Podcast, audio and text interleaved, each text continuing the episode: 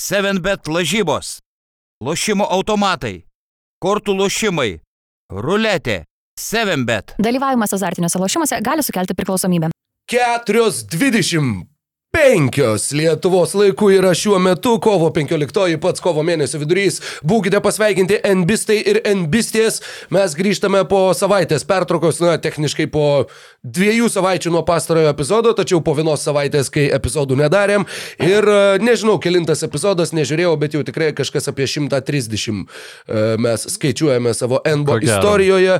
Su jumis Mykolas Jankaitis, Rokas Grajauskas, Labas. už kadro Ridonas Gasparavičius, visi esame pasilgę vieni kitų ir pasilgę pokalbių apie NBA krepšinį.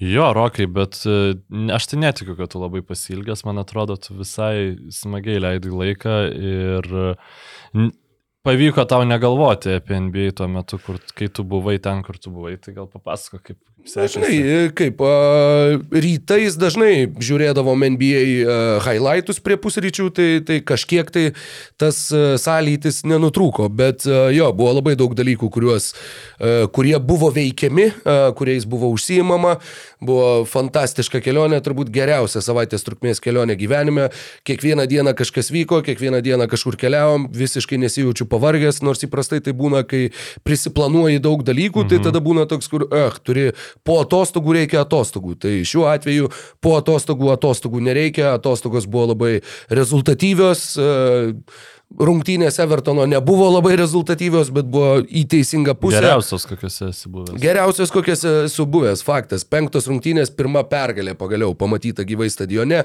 Sėdėjau nuostabiose vietose, tiksliau nuostabioje vietoje, tiesiai už vartų, Lower Gladys Street End. Nu taip, nežinau, du metrai nuo Virpsto vartų, į kuriuos Pele 66 mušė 11 m baudinį į Bulgarijos vartus.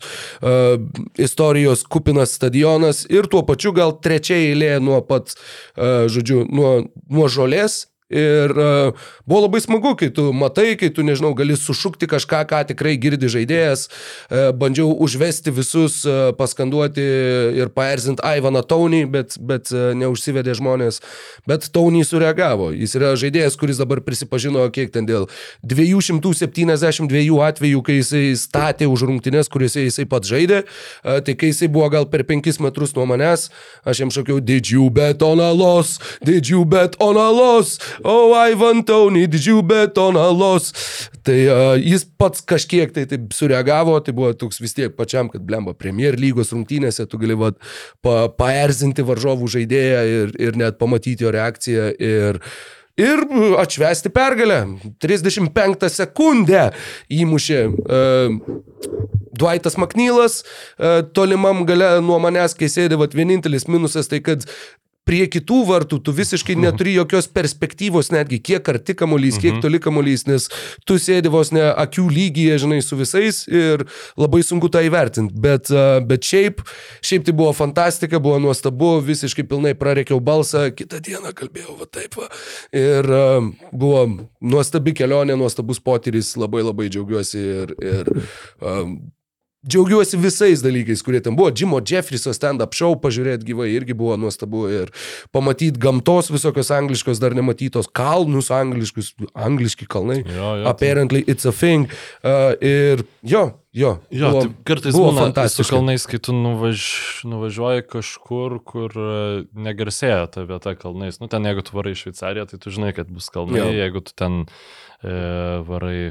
Į Maroką žinai, kad bus dykuma. Nu, ta prasme, ir, ir tada ir jis žiūri, kad yra tie kalnai. Nu, tiesiog Lietuvoje antiek tų kalnų nėra, kad tau atrodo, kad jie, nu, arba yra kažkur ir yra tik tai kalnai, nu, taip, gal, gal netrodo žmonėm, kurie normaliai keliauja, bet, nu, man visada ta, ta nuostaba būna, pamenu, pirmas iki Turkijoje, kai buvau irgi taip, oho, žinai, nu ten tiesiog aš čia į viešbutį važiuoju, ten prie jūros, čia kalnai, ten Kretoje irgi buvom vasarą, žinai, wow, kalnai, žinai, staiga iš niekur. Nu, ten gal nedidelė, aš, aš nežinau, žinai, kokio aukščio, bet visada e, linksmina. Tai Britanijoje jie normalūs yra visai palyginus. Nu, žodžiu, čia Nu, Škotijoje, kiek žinau, jo, va, kad pačioje Anglijoje dar galima jų rasti, man buvo pakankamai tokia truputėlį nuostaba.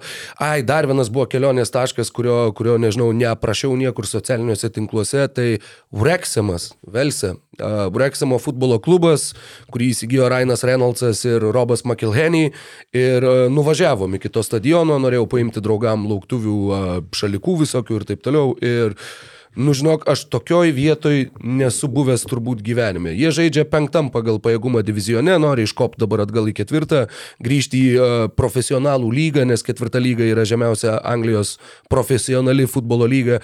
Ir uh, mes ten atvažiavom penktadienį, jie turėjo rungtynes šeštadienį, internete rašė, kad klubo parduotuvė dirba iki penktos valandos vakaro, mes atvažiavom apie trečią ir mus pasitiko toksai dėdulė, nu gal apie 60 metų ar panašiai.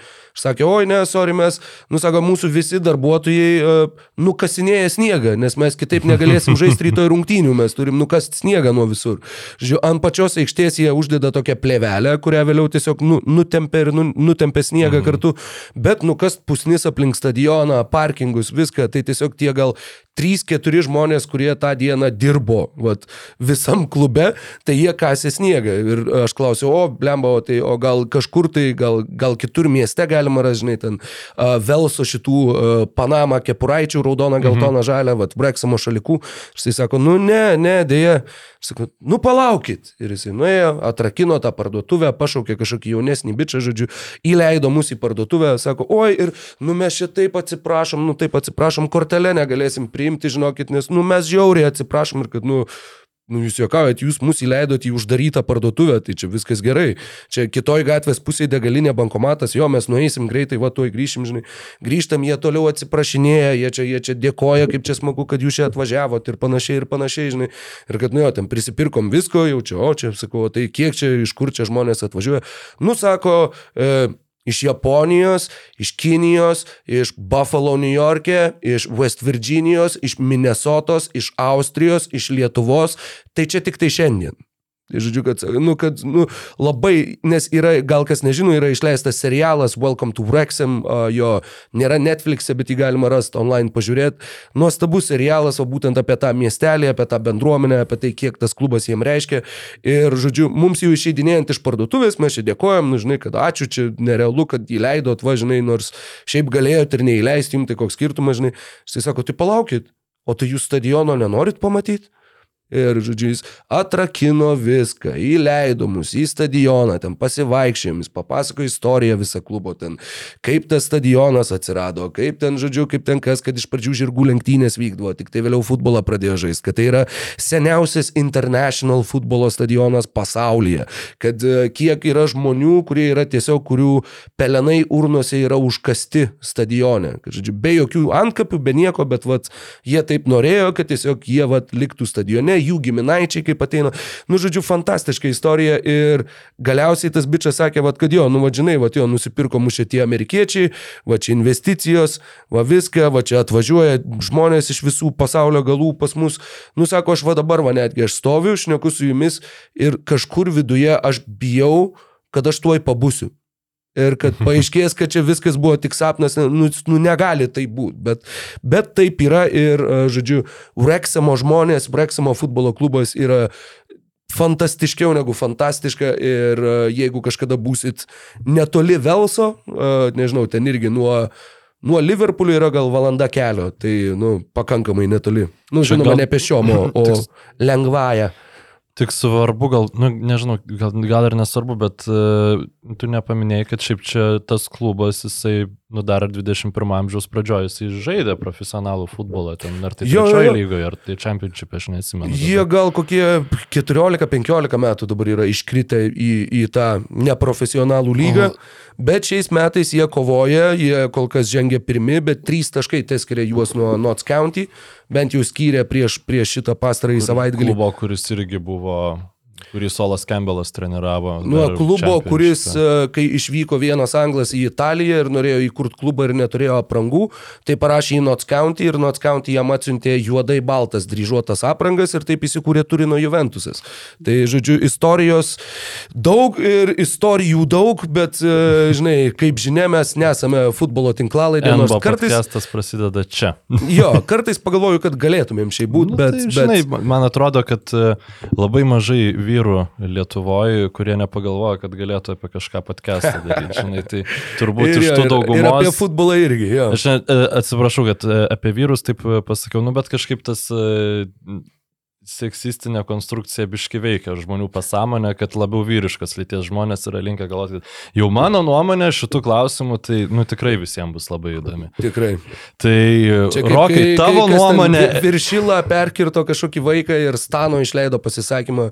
Mačiau mūsų vadybininkas Flow Music, e, tiesiog mačiau komentarą, kad jes, žiauriai laukiau Stano nuomonės. O, taip, Tai, tai. vat, jo, čia, čia kažkas labai panašaus. čia tas e, kino filosofija, aš kursą esu baigęs, tai ten e, ir Konfucijus, ir Laudzis sakė, kad jeigu įvyksta reiškinys ir apie jį nepasisako Stano, ar jis iš tikrųjų įvyko. Taip, taip, iš ties, e, žinau, ir Kazahstano filosofijoje irgi yra tokių Nu, pareiškimų. tai dar pereikim dabar per visas Vidurio Azijos valstybės. Tai Rokai, tavo nuomonė, e, kas turėtų tapti šiuo metu MVP šią sezoną? Oi, koks tu esi žiaurus ir negailestingas bendraautorius, kadangi iš karto pradedi nuo tokių uh, vienareikšmiško atsakymo neturinčių klausimų. Ne, tai, nu, ta prasme, gali, gali ne vienareikšmiškai atsakinėti, bet, nu, kadangi čia jau taip sužaidėm, žinai, su tom nuomonėm, tai... Aš visiškai pritariu mm, eiliai apžvalgininkų, kurių, nuomonių, kurių nuomonės girdėjau, na visai šūsnį apžvalgininkų, gal taip reikėtų išsireikšti, būtų lietuviškiau. Liko dar, nu kiek, šeštadalis sezono, septintadalis sezono. Ir šita paskutinė jo atkarpa iš tikrųjų ir nulems, kas galiausiai iškovos MVP apdovanojimą. Jeigu, uh, žinai, kai aš išskridau į Junktinę karalystę, Niksai buvo iškovoję devynias pergalės iš eilės, Denveris užtikrintai pirmavo vakaruose ir atrodė, kad, nu jo, va, Jokičius, va, va, Jokičius.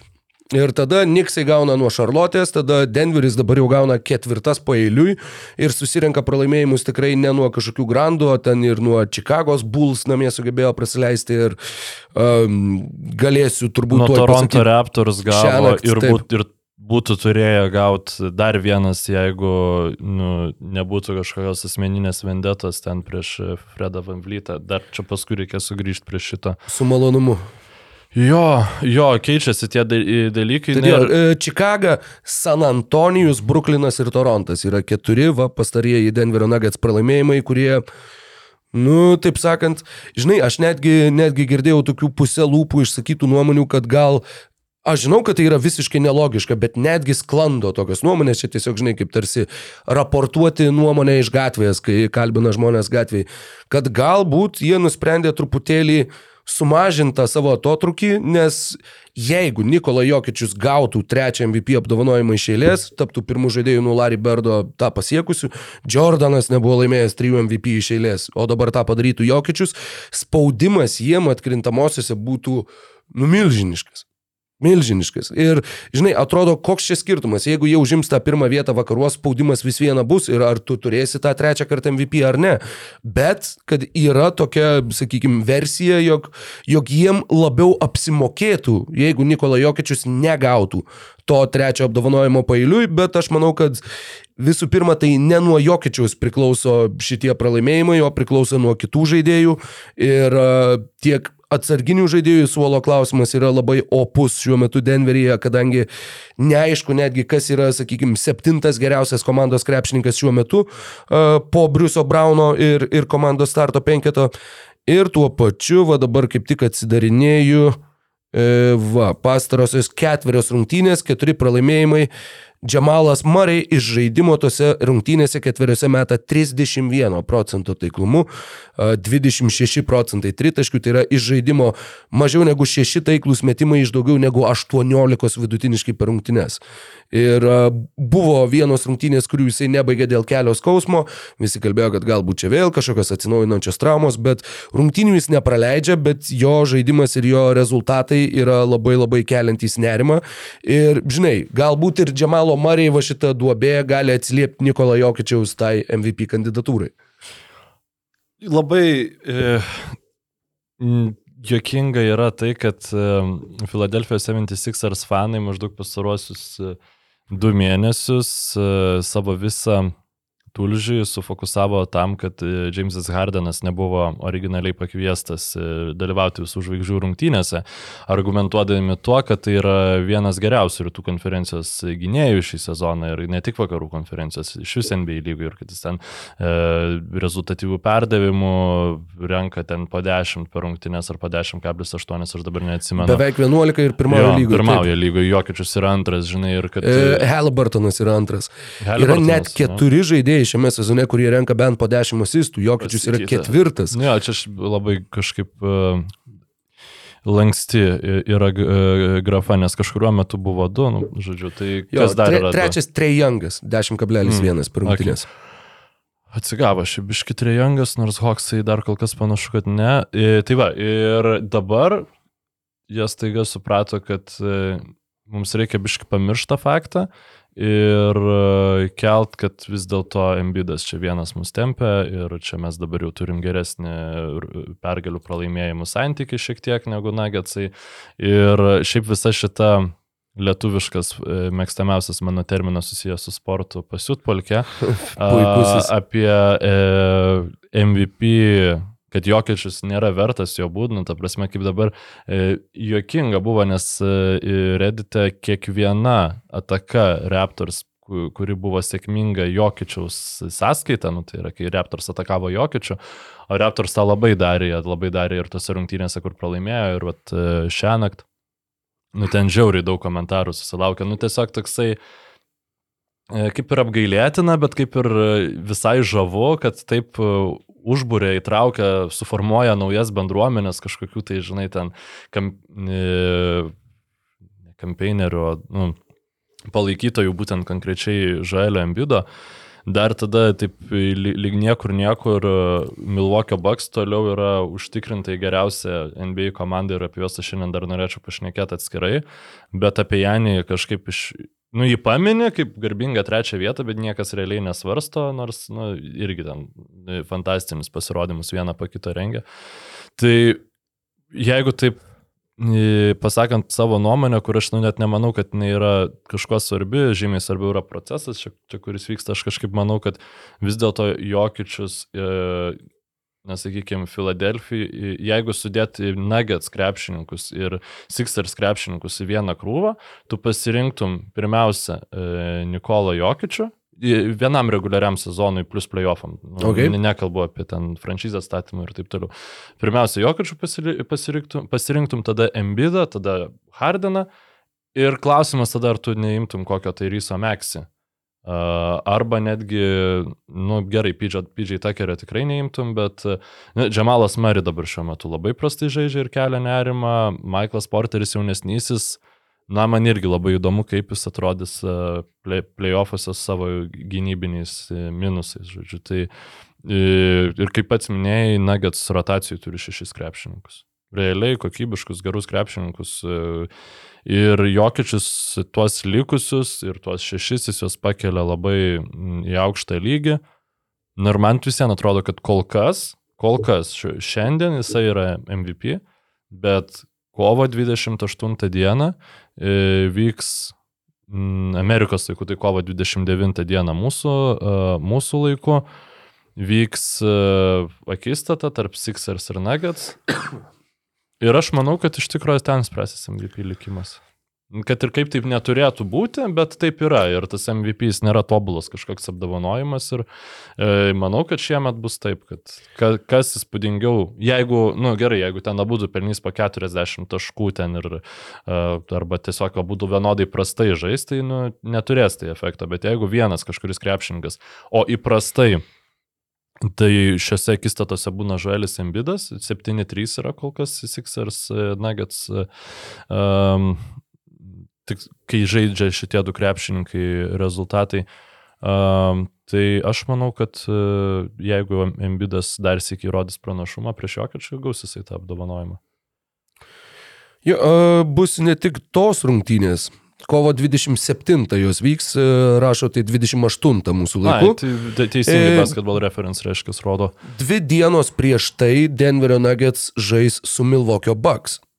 Tai čia bus dar vienas tas MVP galintis nusverti susitikimas, tuo pačiu Filadelfija irgi dar žais balandžio 2 su Milvokiu ir dar balandžio 4 žais su Bostonu. Tad Gerai. Ir yra ir daugiau tų Jeigu susitikimų, Janis visose šitose trijose rungtynėse būtų...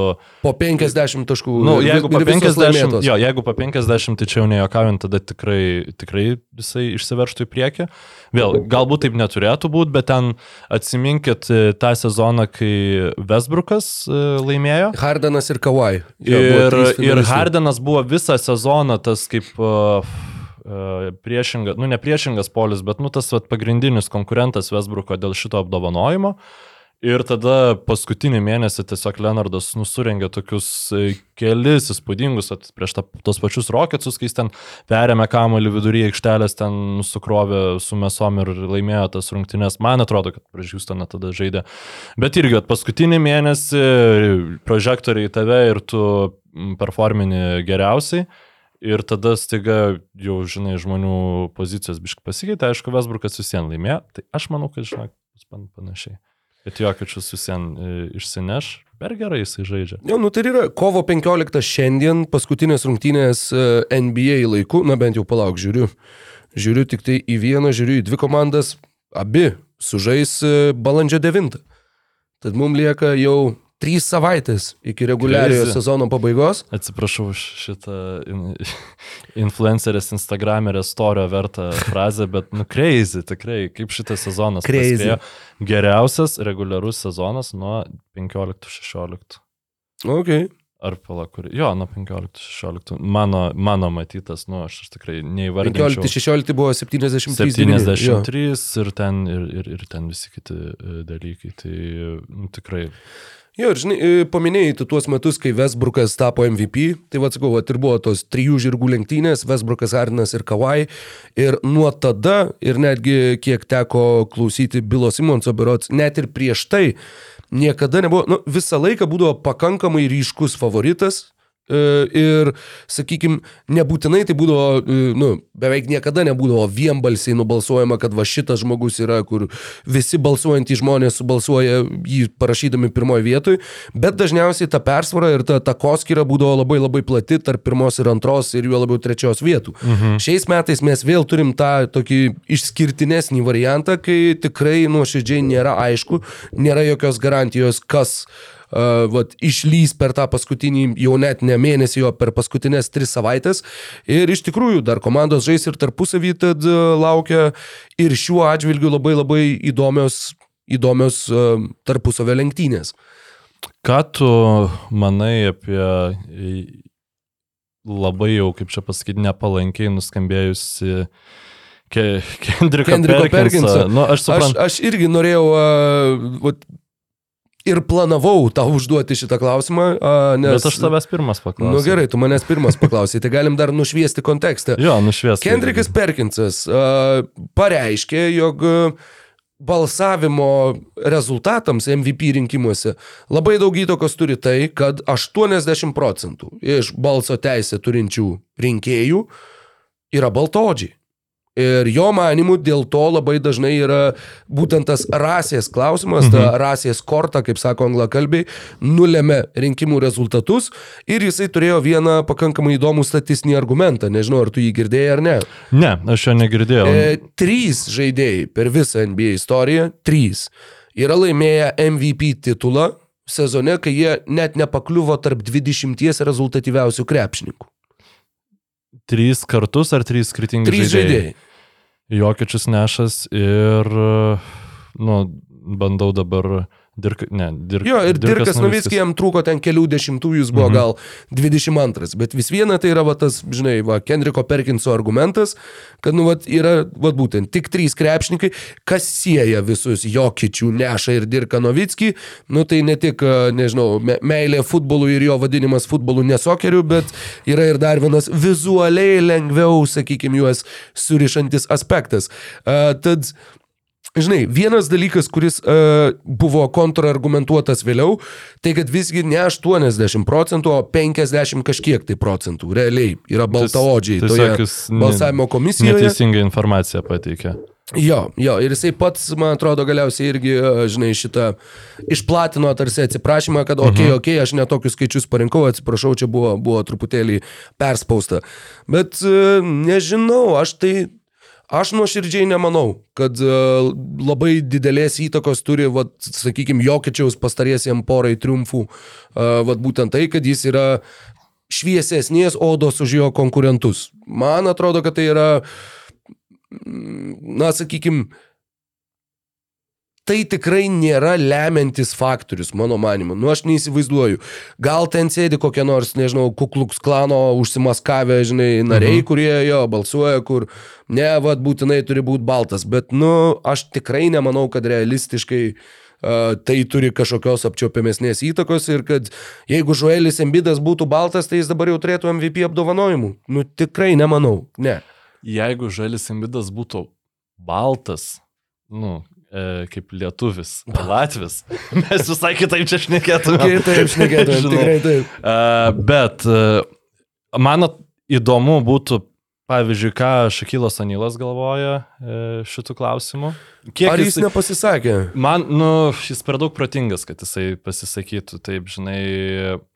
Man i, vis, visoje šitoje situacijoje tai yra juokingiausia stebėti, žinai, kieno reakcijas. Europiečių krepšinio fanų, kurie ir bet čia, bet čia šiaip europiečiai ir ypač lietuviai labai tą turi, kai kažkas kažkur kažką apkaltina rasizmu, Netokioj akivaizdžioj vietoje jie būna kaip katinas, kai tu jam snuki e, vandeniu papurški. Tokie, žinai, kažkoks čia nerasizmas, kaip ką iš čia nusišneka, žinai. Lema, beje, vi- viena rasistiškiausių iš tautų Europoje, aš manau, kad visgi esame mes. Nu, tai taip, nes mes netu, nesam e, visiškai, kaip čia pasakyti, nu, neturim rasinės diversifikacijos savo kultūrai. Tai tu, Ir dėl to mes ne- turim, tarsi, vis, visas būtinis rasizmas, kiek jų yra, visokie anegdotai, visokie šiaip stereotipai, ten, kur, žinai, ten grįžta ten giminaitis iš Londono ir sako, kad jo, ten tie juočkiai, žinai, guli, nedirba, laukia, kol jam ten bananas nuo palmės nukris. Pa- pam- Ir visas va tas šūdas yra, yra labai giliai įsišaknyjęs ir aš neįsivaizduoju, kiek turi metų, gal, nu, dešimtmečių faktas, galbūt ne šimtmečių praeit, kol iš tikrųjų, Ne, nu- va to kažkaip tai mes sugebėsim tą išgyventinti iš savo mentaliteto. Labai yra sudėtinga nebūti, nu, ta prasme, aš nemanau, kad mes esame rasistiškiausia tauta, nes yra, nu, sakau, esu, kai metus laiko gyvenau Kinijoje. Tai... Aš sakiau Europos. A, Europos, taip, pardon. E, nes, nu jo, tai tiesiog, kol tu nes, nesi priverstas, e, nes labai lengva, kaip čia pasakyti, nebūti rasistu, e, kaip čia, arba ne- nesiafišuoti esant e, rasistu, kai tau Ne- nereikia. Neišsiduoti. Jo, kai tau nereikia realiai dirbti su kitos kultūros spalvos, odos spalvos žmonėms, žinai, kai tau ten ne, tau nereikia priimti sprendimo ar leisti vaiką į mokyklą, kur yra vienas balansas ir kitas balansas etninio pigmento, žinai. Tai e, tada tai labai lengva tiesiog, nu, nekelt rasizmo problemos, kai jos realiai nėra, nes, nu, nesusidurėme su tuo, žinai. Tai nereiškia, kad mes nesame rasistai. jo, va Taip, būtent. jin, jinai yra, bet jinai nu, nėra, kaip čia pasakyti, opi, gal tai būtų galima pasakyti, nu, nes tai nėra reikšminga Nėra mūsų visuomenės dalis. tarsi, jo, jo, jinai, jinai nėra tokia ryški, bet nu va, pakanka Gedvidų Vainauskų, pakanka, nežinau, ten kur uh, vienas iš, tarkim, LKL buvusių vyriausiųjų trenerių spaudos konferencijoje po rungtynių sako, nu va, ten gerai laikėmės, bet tada tas jų juodulys ten, va, primėtim, oi, oi, čia atsiprašau, čia iškirpkit, žinai, nu kur, nu va, nors met išlenda tie dalykai, Jo, jo. jie išlenda labai, labai Kaip, lengvai, e, bet. Mes čia su, su kaimynė šnekėjom apie, nu, bendrauju visą dieną normaliai, išneki ten apie kažką, kaip aš pasakoju, kaip kondišką statėme, sakau, kad labai nustebau, atvažiavo parekomenduoti ten, e, Vilproj parekomendavo, žodžiu, rang, rangovus, nes jie patys nestato, žinai, ten atvažiavo vyrai, sakau, visą laiką buvau namuose, jie nekarto nesikeikė,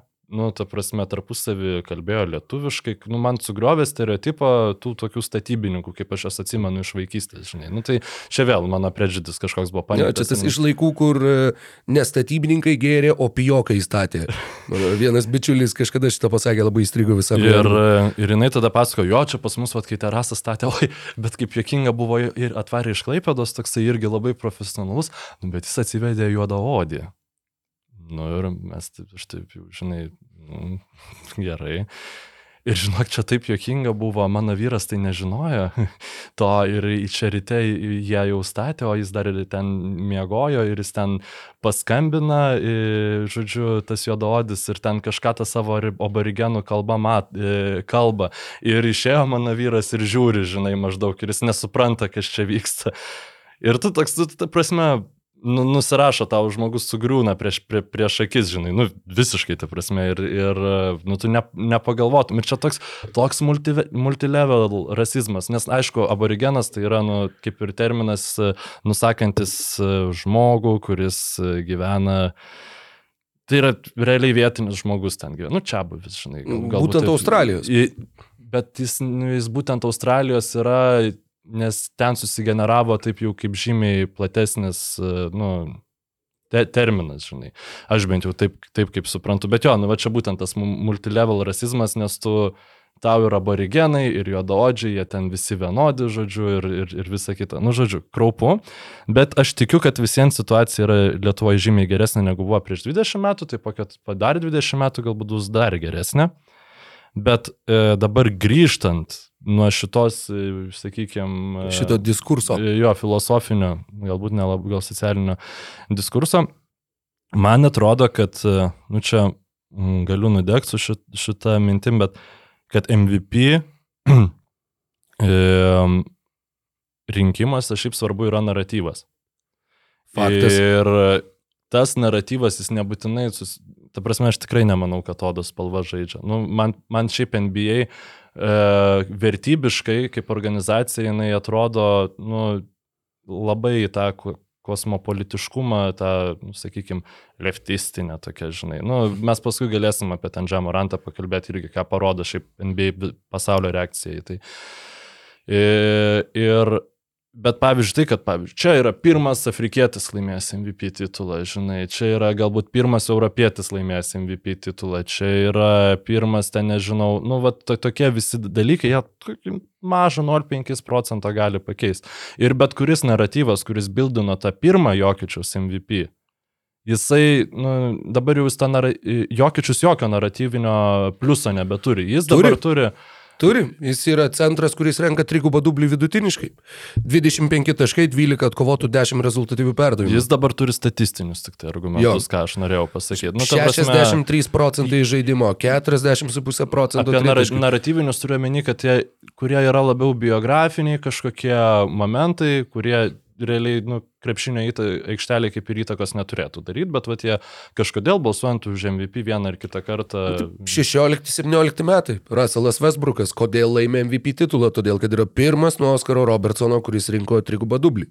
Dabar mes galim jo, kalbėti apie tai, kad tai yra pirmas baltas žaidėjas renkantis trigubą dublį. Nu, bet aišku, ne apie tai. Čia labiau, kad pirmas aukšta ūgis, juo labiau šitoje eroje, renkantis po 10 laiminčius asistų. komandos krepšininkas, e, nu, tai sakykime, Jo, Westbrookas tada liko šeštas su Oklahoma, tai buvo Sabonio debutiniai metai, o Denveris, nu dabar sakau, tas skirtumas sumažėjo, bet vis viena 46-23 mūsų pokalbio metu yra Nuggetsų rezultatas, Grizzlių yra 41-26, atsilieka keturiom ketveriom pilnom rungtynėm.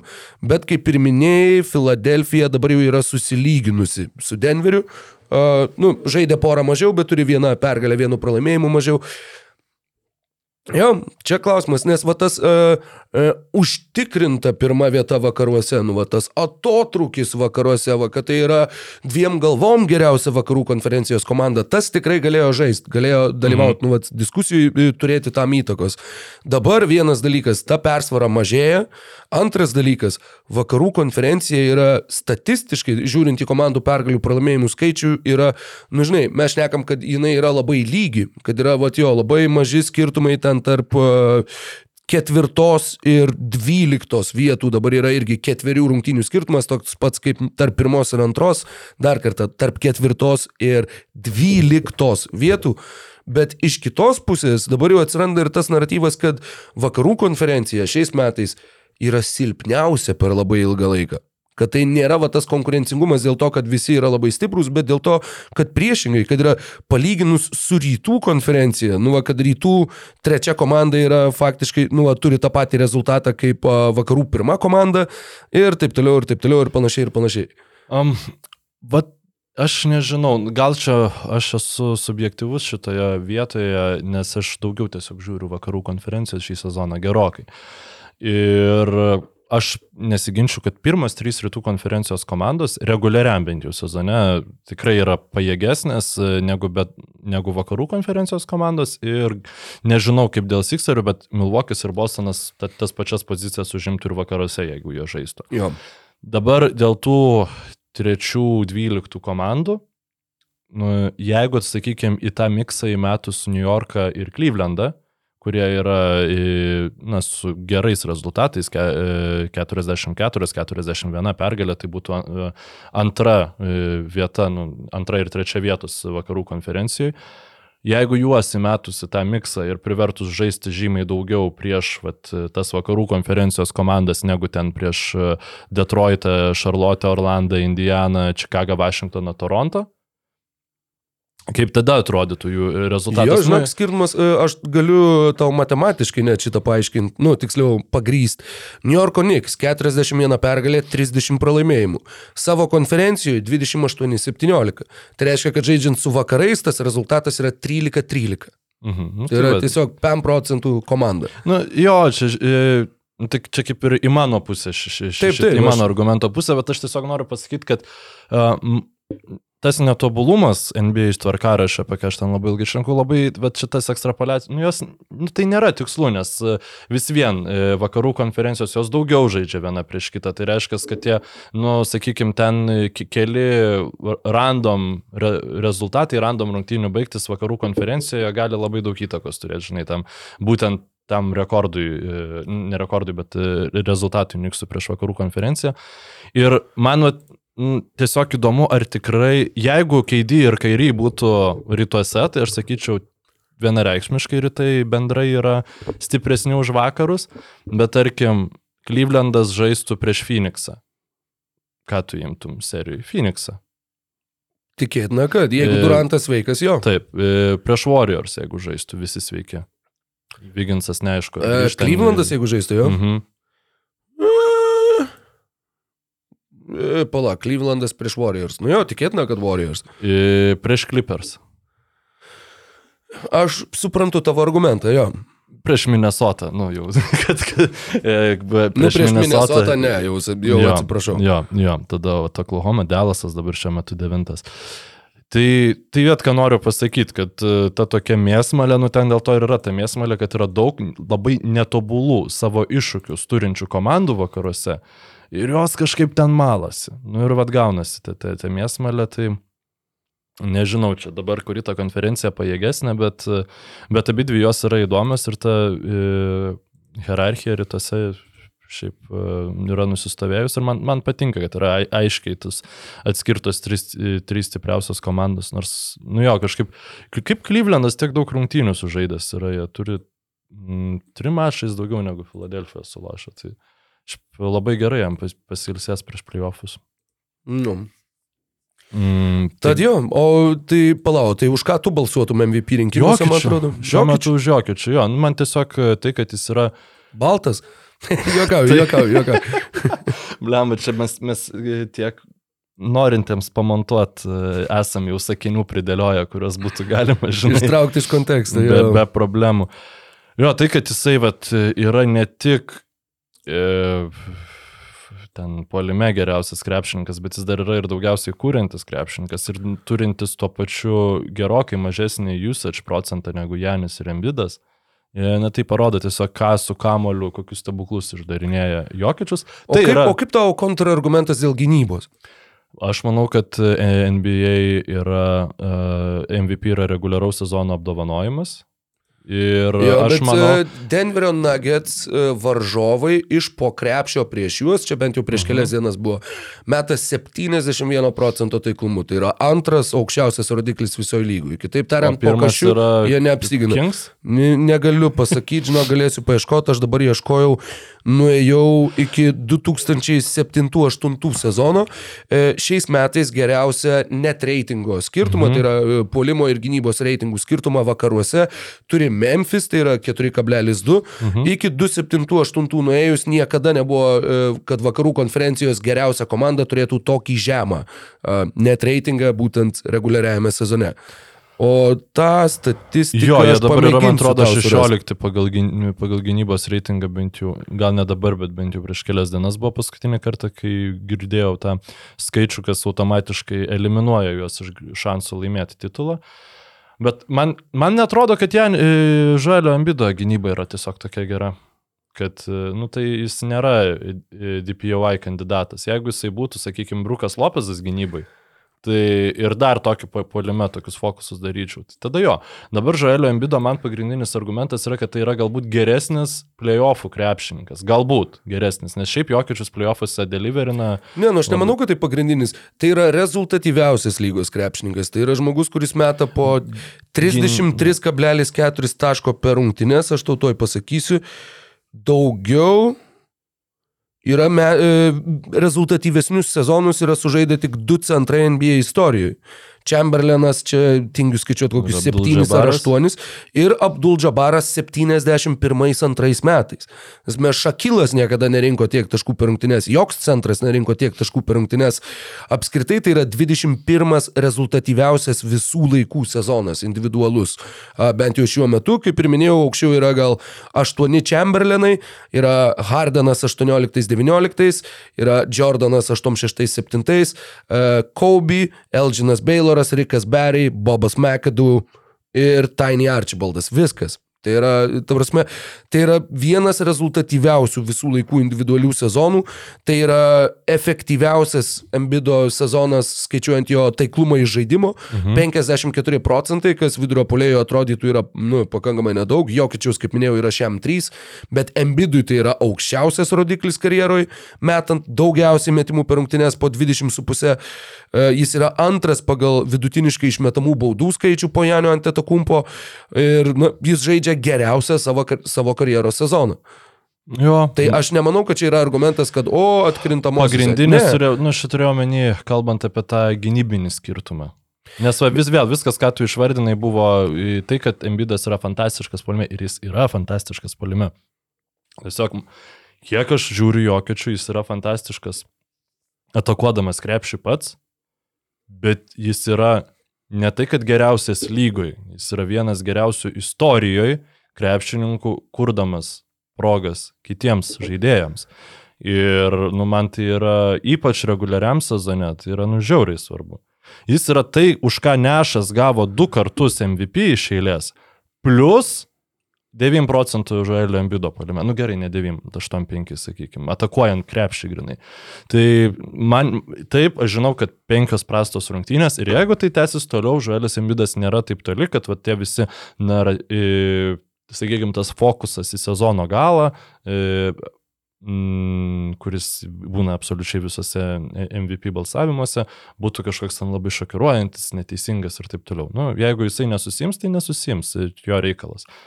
Ir galim turbūt gal keliauti. Nu, tu, e, neradau aš statistikos tiksliai būtent metant iš po krepšio, kadangi taip ant greičio ieškojau nba.com, bet metant iš uh, mažiau negu šešios pėdos, tai mažiau negu metras 8-3 mhm. atstumu uh, atakuojant krepšį varžovams, Denveris yra antra blogiausiai besiginanti lygos komanda. O Pir- Sacramento Kings. Ne, ne Sacramento Kings, o, Oho. o naujojo Orleano Pelicans.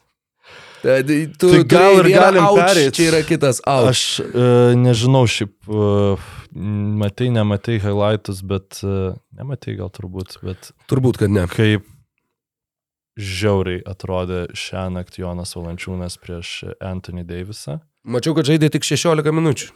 Tai šitą mačiau. Jo, ir realiai ten vienu metu Pel- Pelikans gavinėjo 30 gal taškų, paskui, nu, jau Valančiūną nebeleido, tai ten su Nensu biški dar sugebėjo, nu, kaip čia pasakyti, kad tas rezultatas atrodytų padariau. Aišku, ten, nu, būtų prieš, bet, prasme, ir, ir, ir kitus žaidėjus suvalgęs, bet labai Valančiūnas praranda pasitikėjimą trenerio. 7bet. Lažybos, lošimo automatai, kortų lošimai, ruletė.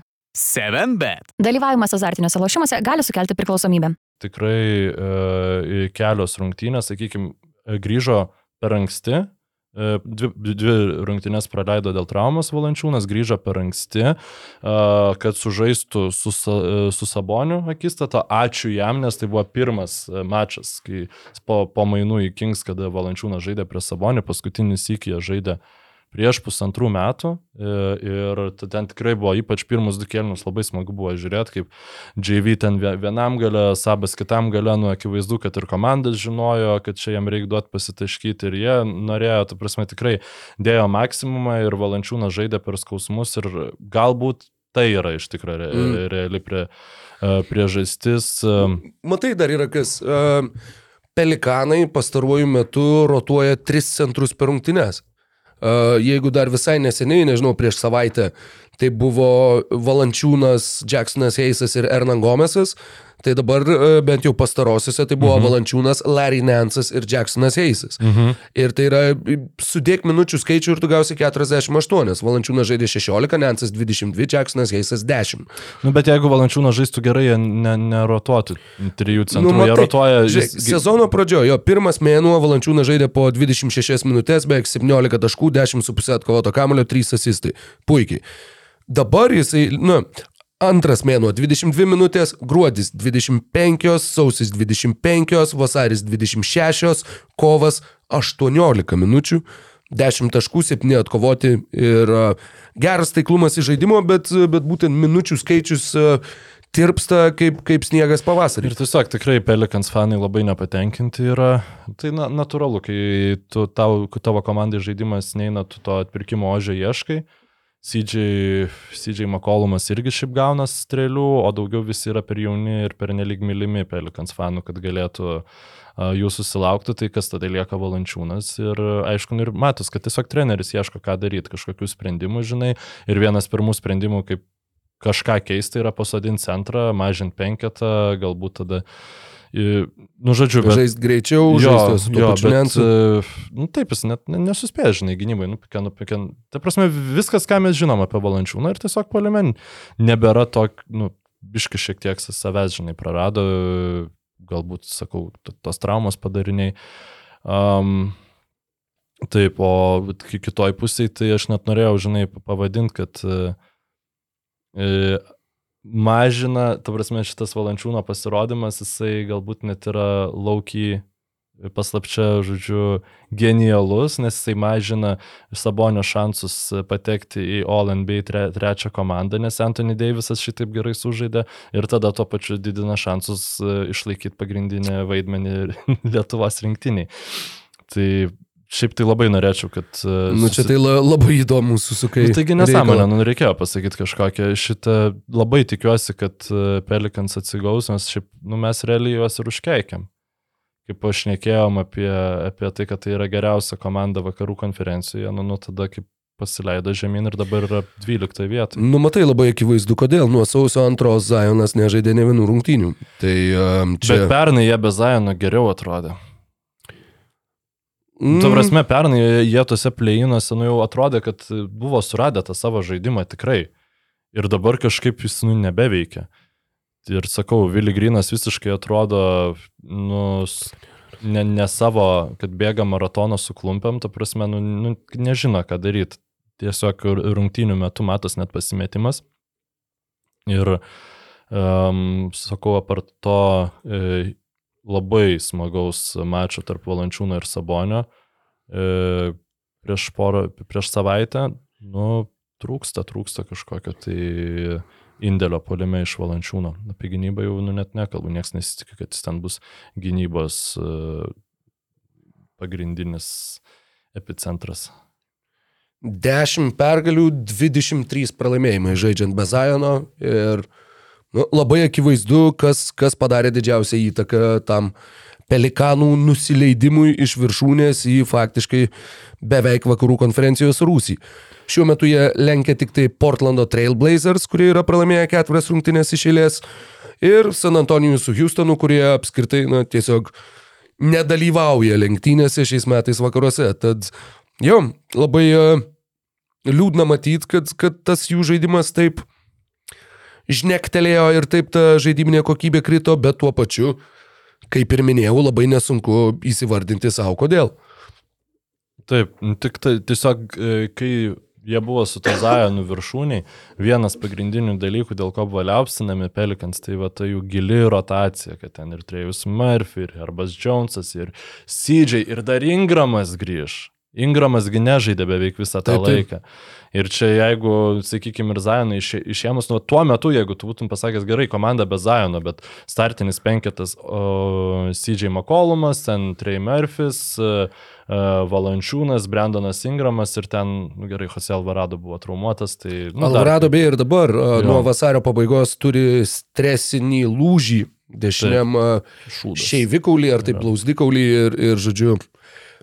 Iki, reguliaria, iki reguliariojo sezono pabaigos likus dviem savaitėm jisai dar bus uh, reevaluated. Tai žodžiu, na, irgi sudėtinga situacija. Dar vienas žaidėjas galimai krentantis gal net visam reguliariam sezonui ir gali būti, kad patys Pelikans yra krentantis šiame reguliariajame sezone. Jo, ir panašu, kad tas pikswapas, apie kurį mes tik apsikeitimas šūkimis Los Angeles Lakers, vis dėlto jis nevyks. Jo, labai ir, gali būti. Ir e, tas šaukimas liks e, Pelikansams. Bet, nežinau, galbūt vėl čia, jeigu tikėt kažkokiam nesąmonėm, tai jeigu lietuviams yra numatyta kažkokia tai porcija sėkmingų pasirodymų, tai tiesiog Sabonis atkan, atkando dar dalį iš valančiūno į jo sąskaitą, žinai, nes šitas mėno trys trigubi dubliai per pastarąsias keturias rungtynes. Pastarosios rungtynės prieš Milvokio Bucks, prieš Milvokio Bucks, kuriuose, e, kurios priekiniai linijoje žaidžia Janis Antetokumpo ir e, dar žingsnį į priekį šį sezoną dėjęs Brukas Lopezas, kas aš manau, jam Trump keturi metai berots, aš, aš nežinau. Maždaug. Visiškai neįtikėtinas krepšininkas ir e, buvo keli epizodai, kur tiesiog Sabas, nu jis gerai, biškai daugiau metimų prametė negu įprastai prametinėje, bet jis tiesiog jį nusistūmė. Taip normalia, ta brutalia, ne kažkokia ten intelektualia jėga, nu grinai, ta prasme, paėmė ir tą tritaškių spjaudantį kalną. Splash monstrą. Mountain. E, Wow, buvo žodžiu neįtikėtinas mačas, Sabas pelnė 2, 23 taškus, atkovojo 17 kamuolių, atliko 15 asistų, vieną kartą suklydo ir ta klaida buvo blogai pastatyta užtvara. Ir tai yra pirmas toks pasirodymas istorijoje, žodžiu, kad krepšininkas surinktų tokius tos uh, asistų, reboundų ir atkovo ir pelnytų taškų skaičius ir nepadarytų vieną arba iš vis nepadarytų klaidų, nuo tada kitos klaidos yra fiksuojamas. Tai galbūt Chamberlainas buvo kažką panašaus užfiksavęs, bet tuo metu tai tiesiog Arba Robertsonas. jo, arba Robertsonas, bet Vesbrukas nebuvo padaręs, Jokičius nebuvo padaręs ir... ir Krisas Polas, arba, nežinau, Magicas Johnsonas Jo, nebuvo padaręs. jo, ir, nu, Jasonas Kidas nebuvo padaręs. Tai yra, žodžiu, aišku, čia, nu, aš labai, tai labai geras pasirodymas, bet e, Na, tai apskritai, Domantas šiuo metu pirmauja lygoj pagal atkovojimus kamolius per rungtynes, a, yra 12 pagal rezultatyvius perdavimus, jo kovo mėnesio statistika yra 6 rungtynės, 22 taškai, daugiau negu 12 kamolių ir beveik 9 rezultatyvūs perdavimai per vieną susitikimą. Bilas Simonsas ir Rainas Rusilo šnekėjo neseniai apie, va irgi apie MVP lenktynės, apie e, All NBA komandas, kas žodžiu turi, turi juose būti ar ko nebūti. Ir jeigu anksčiau, dar nežinau, prieš kokį mėnesį, jie taip maždaug sakė, kad, nu, tai čia galbūt, jo, panašu, kad žiūrėk, kad gal netgi Sabonis, va čia, gal... tai dabar jie jau šneka, kad jis privalo būti. Tarsime, yra labai aišku, trys centrai geriausi lygų šiam sezone yra Embidas su Jokičium, kad ir kaip jie pasidalins pirmą, antrą komandas, trečioje komandoje privalo būti Domantas Sabonis. Ne Bemas Adebayo, ne Anthony Davisas, ne dar kas nors. E, Dar vienas iš argumentų tuo pačiu yra ir Domanto Sabonio patvarumas šiuose rungtynėse. Kingsai yra sužaidę 67 susitikimus, Domantas Sabonis yra praleidęs 2. Tai yra, fa, jis žaidžia nuolat. nustatė, kad lūžus ranka ir jis nusprendė. Jo, nu, lūžęs pirštas, jo. Jo, tai- pirštas, atsiprašau, kad žaisiu toliau. Jo, easy. Tai jo, jis vis, visą tą daro su lūžusiu pirštu. Bet uh, prieš baksus dar vieną dalyką jo žaidime pastebėjau, apie kurį aš anksčiau niekad nepagalvojau, bet jis tą tikrai gali išnaudoti tam tikrose situacijose. Niekaip nesugalvojau, kaip tą pavadinti, nes aš labai daug išneku apie gravitaciją, kurią turi krepšininkai, kai tiesiog jie būna ir jie pritraukia prie savęs vieną, du krepšininkus, e, net neturėdami kamulio. Tai e, jisai turi kaip tą antigravitaciją, kai gauna kamolį, pavyzdžiui, prie pat krepšio. Ir tada šalia ten juda aplinkui ten Herteris, e, Barnsas ar Mari. Ir visi laukia, kam jis papasuos, ką, kur, kur įkirstas krepšininkas. Jo, ir tada geras, geras tiesiog-. Ir tada jis tiesiog savo vat, prieš baksus šią porą tokių lengvų metimų susimeta. Tai man labai įdomu, ar čia yra kažkoks trendas, ant, nu, tendencija, ant kurios galima užsikabinti. Ar čia tiesiog, žinai, porą epizodų ir, ir neverta iš to, iš to lipdyti dramblio, nes aš to net prieš jokičių taip nepastebėjau. Bet čia jau galbūt dėl to, kad jokičius tiesiog kaip, nu, polimo talentas yra tiek pripažintas, kad, nu, tu pirmiausia turi jį apginti ir tada dėl jo perdavimo rūpintis. Tai... Na, žinai, dar uh, nepamenu, kas sakė, bet uh, kad, žinai, teoriškai, jeigu nebūtų, tiesiog vat, nebūtų Nikola Jokičiaus, Domantas Sabonis būtų vat, visa tai, ką mes kalbam apie Jokičių. Nors jis yra tas toks, žinai, uh, Jokičius iš, iš AliExpress, bet tai yra, nu vis tik, tai yra neįtikėtina tai, ką jis išdarinėja.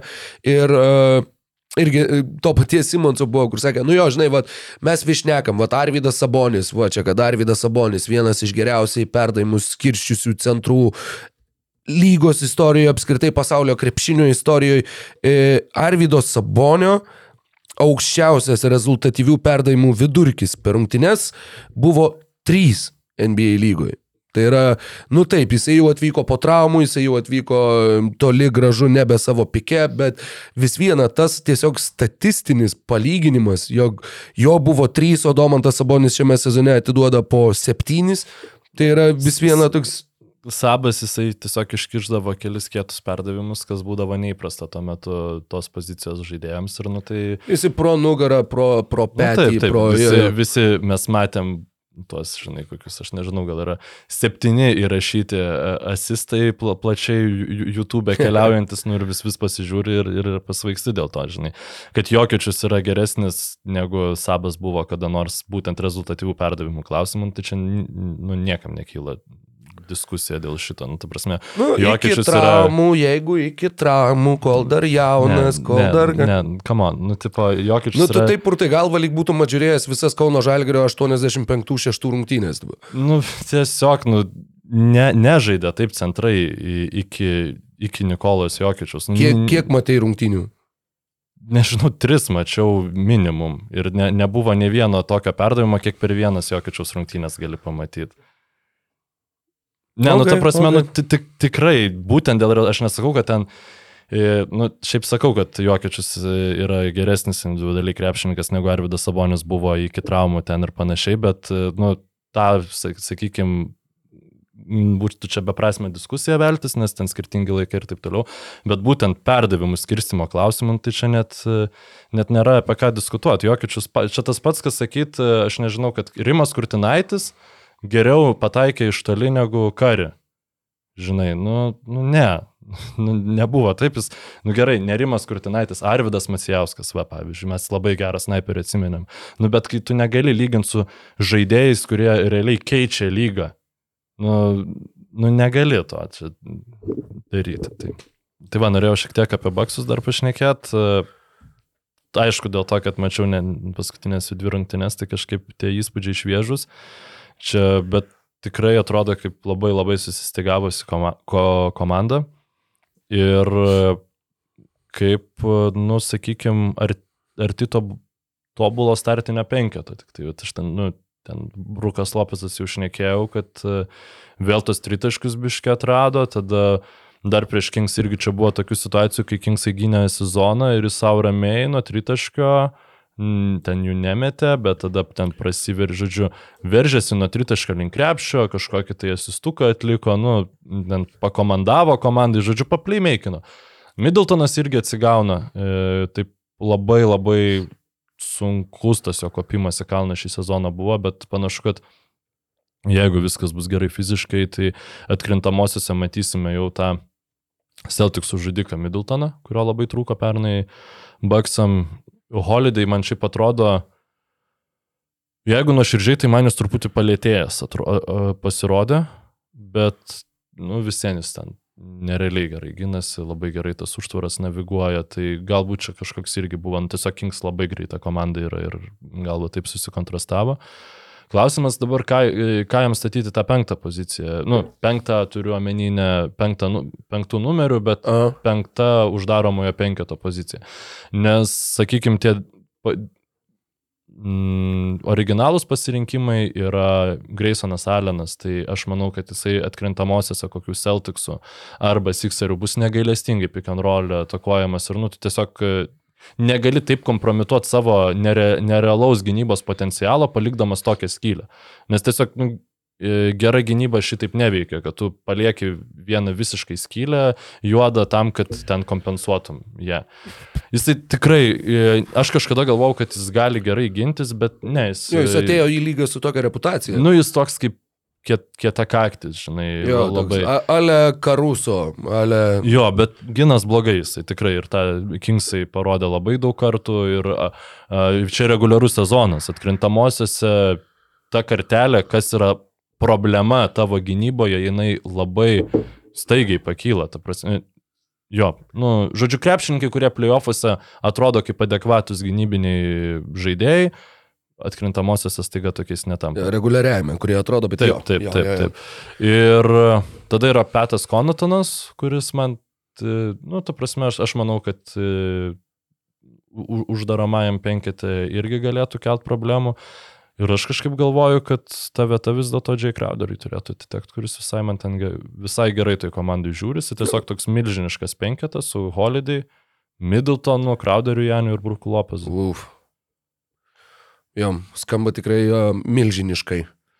Jo, yra, yra ir Džavonas Carteris, yra ir Joe Inglesas, uh, yra tų žaidėjų, kurie pradedinėjo uh, rungtinės starto penketuose, Bobby Portisas pradėjo taip pat 18 susitikimų, bet um, Jo, turbūt, nu, žinai, nebuvau savo iki dabar uždavęs šito klausimo apie Milvokio Bucks penketuką, bet apskritai uh, Bucksai vėl žaidžia labai labai gerą sezoną. Jie uh, dabar yra laimėję 72,5 procento savo reguliariojo sezono rungtynių, tai geresni būtent pergalių procento atžvilgių jiem buvo per labai ilgą istoriją tik tai du sezonai, tai 18-19 ir 19-20, kai jie e, abu du kartus, ne, tiksliau, pirmą kartą pralaimėjo konferencijos finale, antrą kartą pralaimėjo konferencijos pusfinalyje. Bet e, jo, apskritai pastaraisiais metais tai yra penktas iš eilės dominuojantis Milvokio Bucks sezonas, e, iškrenta truputį Žinai, atrodo, vat 20-21, kai jie tapo čempionais, tik 46 pergalės, bet tai ir buvo tik 72 reguliariajame, reguliariajame sezone, bet šiaip jie yra ta kasmetinė 50 ties kaip minimum, o dažniau taip vidurkį įmant apie 55 pergalių komandą per metus. Ir e, jo, yra tas, tas sakykime, toks įdomokas niuansas, jog e, nors dabar jie jau aplenkė Bostoną, jau ir turi solidų atotrukį, e, trejų pilnų rungtynių, bet apie juos kaip apie, na žinai, dauguma arba tokia plačiausiai paplitusi nuomonė dabar yra, kad, nu va, Bostonas Milvokis. Yra, va, nu, va, vakaruose tai ten kaip nors, ten va, gal Denveris, gal Sans, jeigu Durantas veikas, nu, rytuose tai Bostonas Milvokis. Bet kažkaip tai taip garsiau kalbėti apie tai, kad jie yra vieni iš pagrindinių, realių pagrindinių favoritų antrą kartą per uh, šį pastarąjį dešimtmetį tapti NBA čempionais. Kažkaip tai, na, taip sakykime, ne, netgi yra žmonių, kurie stebisi, kodėl tiek mažai yra kalbama apie Milwaukee, nors jie tikrai turi, turi fantastiškus šansus e, pakartoti savo prieš porą metų užfiksuotą sėkmę. Aš pasakyčiau, kad iš vis yra mažai kalbama apie kovą dėl titulo šį sezoną.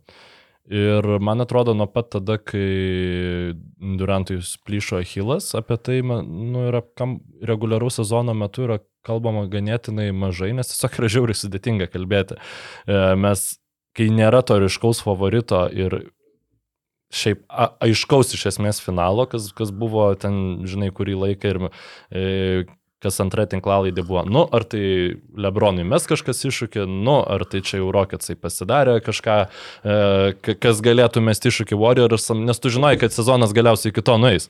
Jo. O dabar tu nežinai nieko, nu, tai gerai, tu žinai, kad yra ką mes jau įsivardėjom, kad trys aiškiai geriausios komandos e, ry- rytuose, bet tu puikiai matai, kaip viena trauma gali ten Milvokį nujodinti nuo bėgių, žinai.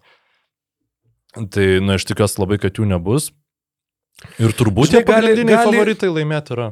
Bet gali ir ne tik trauma išmušti visiškai komandą iš, iš ritmo, iš žaidimo, gali ir uh, nuvarimas trečią ryto uh, po pralaimėjimo, neatsimenu, ar po pergalės, į strip klubą, nuklojimas grindų grinaisiais ir pamosavimas ginklų savo Instagram live gali visiškai išmušti iš vėžių tiek žaidėją, tiek uh, komandos sezoną, tiek netgi galimai, ką gali žinot, gal netgi žaidėjo karjerą, bet uh, labai tikėkime, kad taip nenutiks. Bet bent jau pirma šio teorinio scenarijaus dalis išsipildė. Memphis Grizzly tiesa dabar iškovoja tris pergalės pailiui, kaip ir lyg ir stabilizavo savo žaidimą, bet susiduria su rimtom problemom, kadangi Džamorantas uh, neribotam laikui dabar jau Taip, pas, pasitraukė nuo komandos. Iš pradžių buvo pranešimai, jog Memphis jį suspendavo dviejom rungtynėm, vėliau, kad lyg ir ketveriom rungtynėm. Dabar Džamorantas išvyko į Floridą, išvyko į counseling, tai yra į psichologinės pagalbos, žodžiu, kažkokią įstaigą, neįvardinant jos, kas yra visiškai suprantama, bet uh, Nu ir šiaip tariamai savanoriškai, ta prasme, teo, Jo, jo. teoriškai jis nėra šiuo metu suspenduotas. Taip, pozicija yra tokia, kad pats Džamorantas išplatino pranešimą, kad man reikia rasti būdą e, kitaip tvarkytis su spaudimu ir stresu, kurį aš patiriu savo mhm. gyvenime, nes e, mano dabartiniai įpročiai kenkia tiek man, tiek organizacijai, tiek miestui, tiek visiems kitiems, kuriuo aš labai atsiprašau, kad juos nuvyliau. Viskas, kaip ir žinai, iš to pasisakymo labai tvarkinga, sakykime, toks pasisakymas, kokio ir tikėjosi ir tos didžiosios korporacijos, mhm. kurios yra sudariusios milžiniškus remimo kontraktus su Džiamorantu. Nike pareiškė, jog taip, na, va, žaidėjas pats, žinai, prisima kaltę, supranta, mes va, labai džiaugiamės ir sveikinam tokią jo poziciją, kadangi su tais pačiais Nike jisai turi milžinišką kontraktą, visai neužilgo turėjo išeiti jo pirmieji vardiniai Nike kedai, pirmieji Džiamoranto serijos ir dabar neaišku, ar jie išeis, gal ir išeis, gal kada jie išeis, bet tikėtina, jog ne dabar. Ir tuo pačiu yra nemaža tikimybė, na bent jau dabar vis atsiranda tokių pranešimų tiek Markos Pirso, tiek kitų NBA apžvalgininkų, jog gali būti, kad Morantas ir nebegrįž šitam sezone. Jog a, ne tik kalbant apie reguliarų į sezoną, gali būti, kad ir atkrintamosiose Džiamoranto tiesiog nebus. A, Kaip beje gali būti, jog, na, aišku jau, kad reguliariajame sezone nebus Steveno Adamso, a, kuriam buvo šitos kamieninės lastelės dabar suleistos į kelią, siekiant jį greičiau pastatyti ant kojų. Neskamba kaip sė, sėk, sėkmingo, nu, sėk, sėkmingos, sėkmingo grįžimo iš traumos istorijos pradžia. Na, žinai, jį, jo bent jau neoperuoja Čikagos Bulls chirurgai, tai gal bent, a, bent šituo atžvilgiu jau jam pasisekė. Vargšas E, Lonzo. Ir tuo pačiu Brentonas Clarkas irgi patyrė sunkę traumą, jo irgi šiam sezone jau nebus. Memphis Grizzlių priekinė linija atrodo nu, labai Jacksonas, labai išretėjus. e, Santi Aldama. Jo, ar nereikės e, Keneto Loftoną išsitraukti iš šitą. Kozirio. Jo, tai Bet taip, šiuo metu Memphis yra antri, bet aš manau, kad bet kas, kas žais į krintamosiose, jeigu va taip va baigtųsi pirmas mhm. šešetukas, žais su ekstra didžiulė motivacija, kad užimtų septintą vietą ir gautų nukrujavusi Memphis pirmame etape.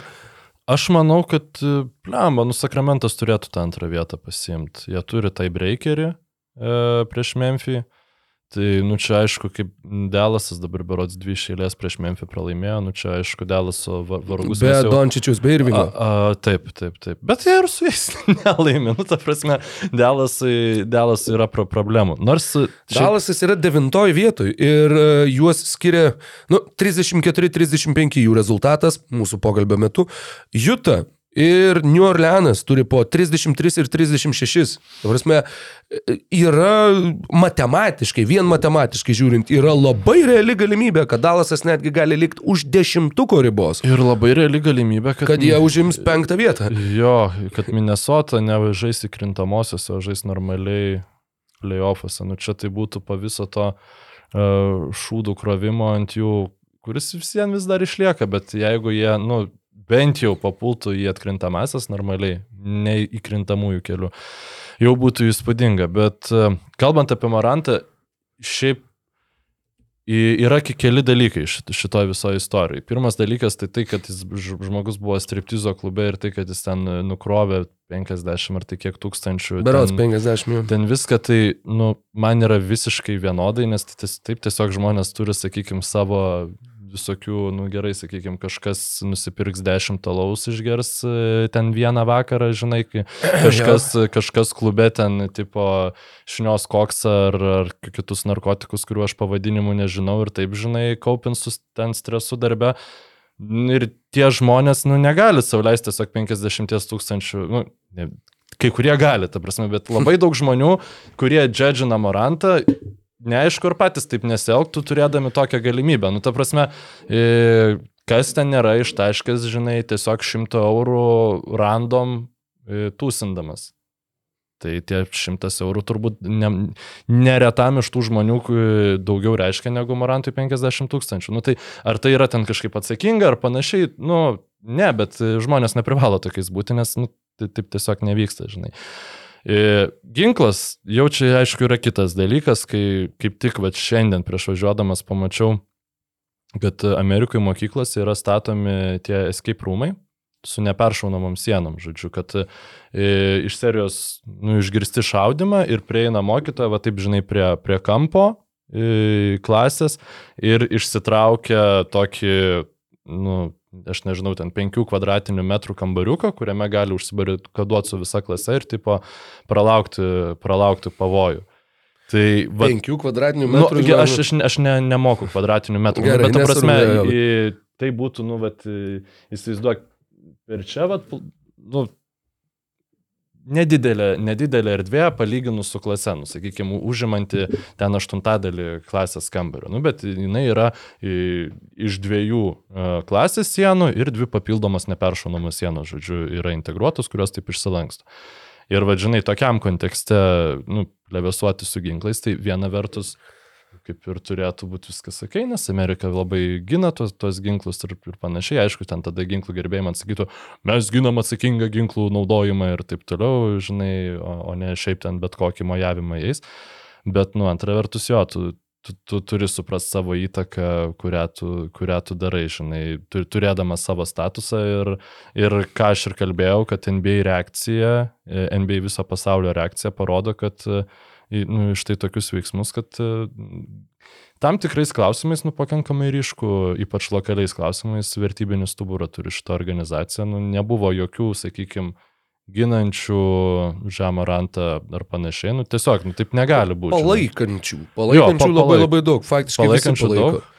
Ne, e, palaikančių, ta prasme, kad Tarsi, davai, tu turi kad susitvarkyti. Jo, jo, jo, jo, jo. Nežinau, ten Jailenas Rauzas, pavyzdžiui, labai įtikinamai Jo, šnekėjo, jo. kur sakė, aš irgi esu Džamorantas, man irgi buvo 23, aš irgi esu iš, žinai, nedidelio miesto, aš irgi tūsindavau nuolat su savo, su savo, žodžiu, kompanija, e, kur ten būdavo ir visokie reidai, ir narkotikai, ir kas tik tai nori, bet, nu, tai yra iššūkiai, su kuriais tu turi susidurti ir su kuriais tu turi susitvarkyti, kai būdamas jaunas, tu tampi milijonierium ir tu, žinai, gali daryti, ką nori. Tai vad atsirinkti va tą, ką tu nori daryti, su kuo tu nori daryti ir, ir, ir visi tie kiti dalykai, nu, žinai, yra kaip ir suprantama. Jo, galvoju, kad kažką tai čia norėjau pridėti tokio labai protingo, bet, bet e, kažkaip nusprūdo nuo Ginda, ginančių tai turėjau omeny, kad, nu, sakančių maždaug, kam čia tipo, jo reikalai, ginklas, čia viskas, sakė, ir, ir panašiai. Nu, tai tokių balsų mes. Yra dar vienas uh, niuansas, kad NBA turi labai labai griežtą ir kad tenai, kiek mačiau, tai vyksta tyrimas, uh, žodžiu, jeigu tu atsineši čia va aiškiai nuo Arenaso ir Džiavario Kritantono laikų. Jeigu tu rūbinėje turi šaunamą į ginklą, tai yra labai griežtai yra suspendavimas 50 rungtynių. E, e, Čia šitas. žmogus, kuris paskelbė šitą, aš tau pats nu, numečiau Mhm. mhm. šitą informaciją, paskui jisai paneigė tą 50 Ai. rungtynių faktą, nu, ta prasme, kad tai visiems yra individualus atvejis, bet jo yra labai, labai griež, griežti reikal, nu, ta prasme, griežtos nuobaudos ir jo, bet būtent dėl tų team premises, Mhm. mhm. komandos e, erdvių ir striptizo klubas nėra e, komandos erdvė, bet, yra jeigu tai buvo Denveryje, atsigabenai. tai jo. tu faktiškai turėjai turėti lėktuve, o ar lėktuvas yra komandos e, bendra erdvė ar panašiai, nu čia jau tada ki- tokie dalykai. Bet, e, žodžiu, e, policija nutraukė e, visus ten tyrimus, O, e, kurie kilo prieš Žemą Rantą, o dėl NBA lygos aš negaliu pasakyti. Ir Aš manau, kad ir NBA lyga pati negali pasakyti šiuo metu. Nes realistiškai žiniasklaida nežino, nei Mhm. kada grįž Džiamorantas, nei kas jam bus. Džiamorantas nežino, Memphis Grizzly nežino ir NBA nežino. Tai mes irgi nieko čia naujo nepasakysim, tiesiog, kad ta situacija kabo ore, viskas spręsis, va taip atsakykim, netolimoje ateityje, o gal netgi ir tolimesnėje ateityje. Bet tuo metu Memphis Grizzly tikrai atsiduria Na, yra tas, kad jo, kad pernai jie puikiai žaidė be Džamoranto, jie kiek tam buvo, 15-5 man atrodo, kai žaidė taip, bet atkrintamosiose. Bet jie turėjo ir D'Antoni Meltoną, kurio nebeliko komandoje, nu, žodžiu. Kyle Andersoną. Jo, labai tas irgi labai svarbus e, svarbus. žaidimo kuriejas, tu teisus. Di- 2019 metų draftai. Kai- Kas dabar, nu, keturi banginiai tų draftų yra Zajonas, e, e, Morantas, Ardžiai Beretas ir Dariusas Garlandas. Kaip tu dabar rinktumės? Su visa dabartinė informacija.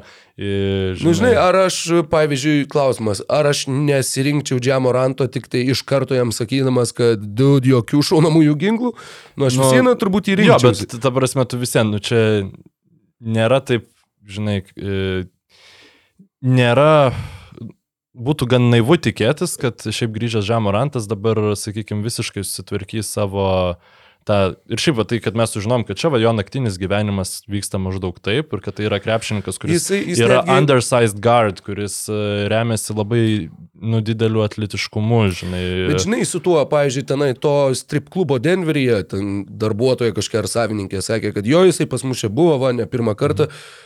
Stebėtinai mandagus vaikis, kuris net jokio alkoholio negėrė, nerūkė ten mhm. jokių, nežinau, kaljanų šiaip ar ten jointų splifų, žinai, nieko panašaus, nu, kad, tipo, jisai, jo, tai yra tavo gyvenimo būdas, tavo gyvenimo ritmas, bet jisai nebūtinai ateina su visu tuo, kas įprastai lydi, nu, vat, naktinį gyvenimą. Tai, uh, žinai, kad tai gali būti tiesiog priklausomybė pačiam, va, būtent tam naktiniam gyvenimui, kad tu turi kažkur eiti, tu turi kažkur varyti, gal tu, pavyzdžiui, žinai, neužmiegi kitaip, gal tau reikia tam prabūti iki šešių ryto kažkur tai, bet ta prasme, kad tai nebūtinai yra su tuo, kad jisai čia yra hardcore, nežinau, Jarvis Williamsas, tipo. E, ne, tai yra, kiek supratau, kiek teko susidaryti įspūdį, tai yra truputį kitas Bet variantas. šiaip žiauri, nu, negaliu sakyti, kad panašios istorijas, bet tam tikri komentarai, tam tikros publikacijos, nu, žiauriai paraleliai eina su Jarvisu Williams, kad čia maždaug yra Man tam tai tikri, nu, aš pa, dabar skaičiau prieš, prieš podcastą, konkrečiai, kad Moranto istorija gali būti mm, bloge, žymiai blogesnė negu, nu, negu ir, žymiai rimtesnė negu yra šiuo metu galvojama. Yra tam tikros kalbos, apie kurias aš čia podcast'e net nenoriu kalbėti, žodžiu, bet jeigu jos yra tiesa, tai yra o, o, o maga ir taip toliau. Ir aš pa... Pala, ar aš apie Morantą šitą geriau? Ai, ne, apie, Vil... apie Williamsą, žinai. Bet, Na na, taip, nu, na taip. sakykime, 15 sekundžių, kaip, kaip e, draftintum tas keturis krepšius. Džamorantą rinkčiausi pirmu Aha. ir turbūt, kad Garlandą imčiau antru šiai dienai. O tada? O tada, nu, turbūt visgi Zajoną aukščiau negu Beretą. Bet Beretas, man atrodo, žinok, e, realu, nenustepčiau, jeigu kitais metais tokiu metu mes jau kalbėtumėm, kad gal vis dėlto Gali ir būt, p- Rolinis geras, tvarkingas, kre, pavyzdinis krepšininkas, sužaidęs daugiausiai minučių, aišku, iš visos e, tos e, drafto klasės. Įdomu, kodėl. Um, yra visai neblogas. Apskritai variantas. likęs pirmas dešimtukas tų metų biržų yra DeAndre Hunteris, Jaretas Culveris, Kobe White'as, Jacksonas Heisas, Rui Hachimura ir Kemas Redišas. Nu, dar Tyleris Hero. e, pam- Pamiršau Nu, jį paminėti. 13, jo, jo. Bet, jo. Bet jo, kai žiūri visus pasirinkimus, Bitadze, Šamaničius, Sekudumbuja, Jo, ne, svaigstam, svaigstam dėl tų pikų ir čia labai vat, prieš draftus labai gerai būna pasižiūrėti. Kad kiek realiai, va, iš tų, sakykime, šituo atveju iš top 10, kiek, kiek žaidėjų, va, tikrai... Balbolas kem ketvirtas šaukimas. Va. Va, štai prašau. tai, šiaip e, kem šeštas Teilenas Hortonas Takeris, e, kuris dabar gan sėkmingai yra pagrindinis jų tas džiazis žaidėjas, nu tokių, sakykime, gerai, gal gan, sėkmingai yra per stiprus žodis, bet įdomių, gerų pasirodymų surengia. Mane, žinai, kas labai septintas Ignas nustebino? Brasdeikis? Jo, e, labai nustebino, va, apie Jutą užsiminiai, kad visgi sugebėjo grįžti ir taip pakankamai gerai grįžti ir solidžiai atrodyti. E, Va, štai atsidariau vidurkiai. 9 sužaistos rungtynės, 12 taškų, 5 atkovoti, 5 asistai, 54 procentai žaidimo, 37 procentai tritaškių. Geriausi skaičiai visoje karjeroje, kalbant apie visus tuos rodiklius. Krisas Danas kuris jau atrodė, kad bus, žinai, kur ten... Jį pasiliko, man atrodo. Ir. Atlantoje neprikybo. Jo, man atrodo, kad su juo jau sudarė ir, ir iki sezono galo kontraktą. Žaidėjas, kuris pernai sužaidė 14 rungtynių, užpernai sužaidė ketverias.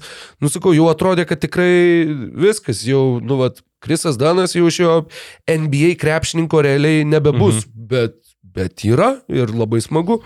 Ir jam, žinai, už trijų dienų nuo mūsų pokalbio jam sueina 29.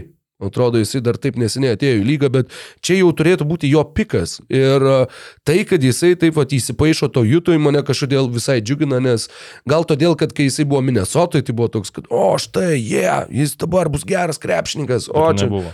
Ir ne, nebuvo. Bet, bet dabar žiūrėk, panašu, kad gal ir gali būti. Žinau, kad jau ilgai kalbam, bet tiesiog yra viena tema, kuri paskui, manau, nebebus tokia aktuali, o dar nu, tai kažkaip ją glaustai aptarėm. ar ne? Glaustai. Gerai. e, Fre, Fredžio Vamblyto komentarus girdėjai apie... apie... E, Apie, neatsimenu, Beną pavardės. Taylorą, Beną Ben Taylorą, Taylor. mano mėgstamą podcasterį.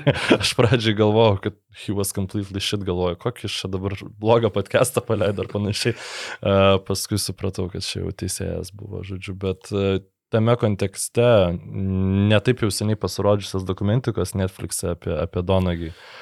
E, tai kažkaip ten ir aš tas rungtynės, e, aš rungtynės prieš tai, man atrodo, mačiau, čia ne, ne po rungtynių prieš Nuggets, e, ten, kur Scottas Fosteris, žodžiu, e, vadovavo. Ir e, jo, tai Scottas Fosteris ten nu, visiškai buvo du e, 50, pe- 50 sprendimai e, kuriuos abu du challenge-ino treneriai ir abu du buvo priimti Nuggets naudai ir tada dar buvo du labai abejotini sprendimai Toronto Raptors pusė, žodžiu, priimti, nu, su pavėluotų švilpukų. Apskritai, e, Timas Donaghy, jeigu kas nežino, tai yra žmogus, kuris teisėjavo NBA lygoje ir galiausiai sėdo į kalėjimą 18 mėnesių berots ar panašiai.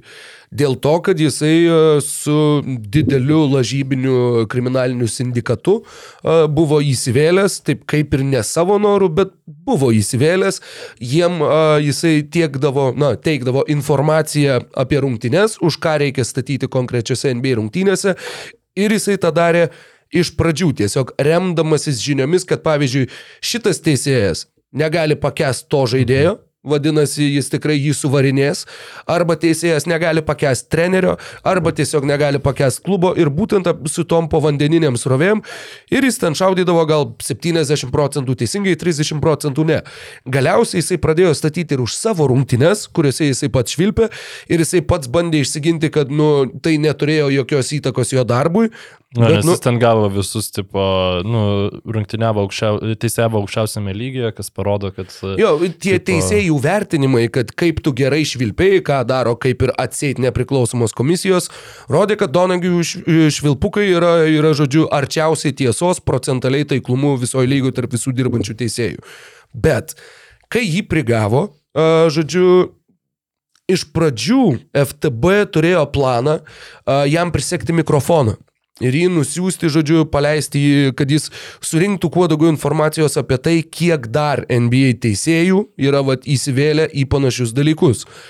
Viskas baigėsi tuo, kad kažkokiu tai būdu ta informacija pasiekė NBA, pasiekė Davidą Sterną ir Sternas ją iš karto nutekino į žiniasklaidą, kad tiesiog užkirstų kelią va šitam Tai ne planui. kažkokiu būdu jie, FTB, e, bent jau kaip aš supratau, to- to- toj dokumentikoje FTB, e, FTB, A, nu, nuėjo, FTB sako, prie mes Sterno. turim Jo. trenerį, e, mes turim teisėją, Teisėją.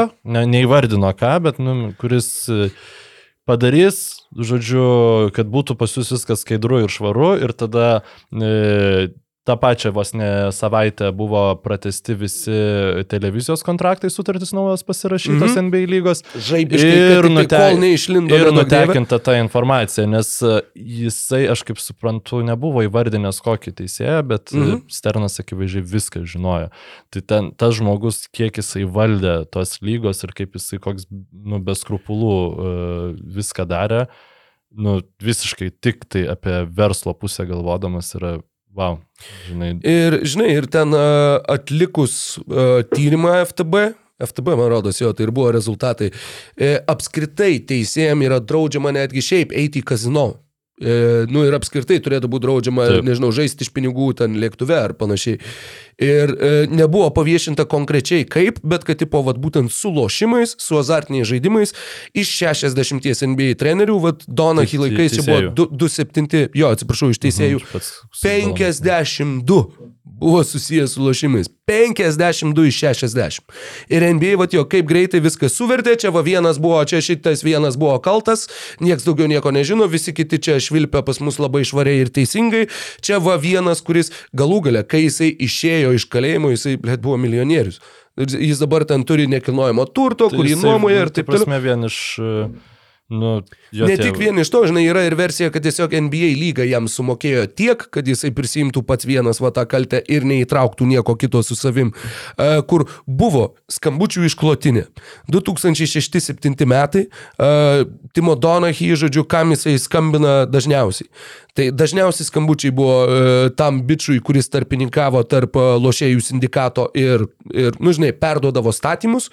Ir kitas Antras, žodžiu, dažniausiai skambintas numeris - 150 skambučių sezono metu, iš jų, nežinau, gal, nu, di, dauguma rungtynių dieną, arba prieš rungtynės, arba po rungtynių, arba per halftime, per halftime rungtynių, kur jie du abu du švilpia kartu, tai buvo Scottas Fosteris. Jo, jo, ir, Ir Scottas Fosteris švilpė sėkmingai NBA ir šiandien. Scottas Fosteris, kai Krisas Polas žaidžia atkrintamosiose, yra pastarosios 14 rungtynių Kriso Polo, kai išvilpė Scottas Fosteris. Rezultatas yra 0-14. Jis niekada nelaimi, jeigu švilpė Scottas Fosteris. Jis tam prasme- Game 7 švilpė, man atrodo, jo. jo. paskutiniam Maverick Sense arba Game 6, neatsimenu. Bet... Arba tam, arba aš netgi galvoju, kad tu sakysi apie Warriors prieš Rockets.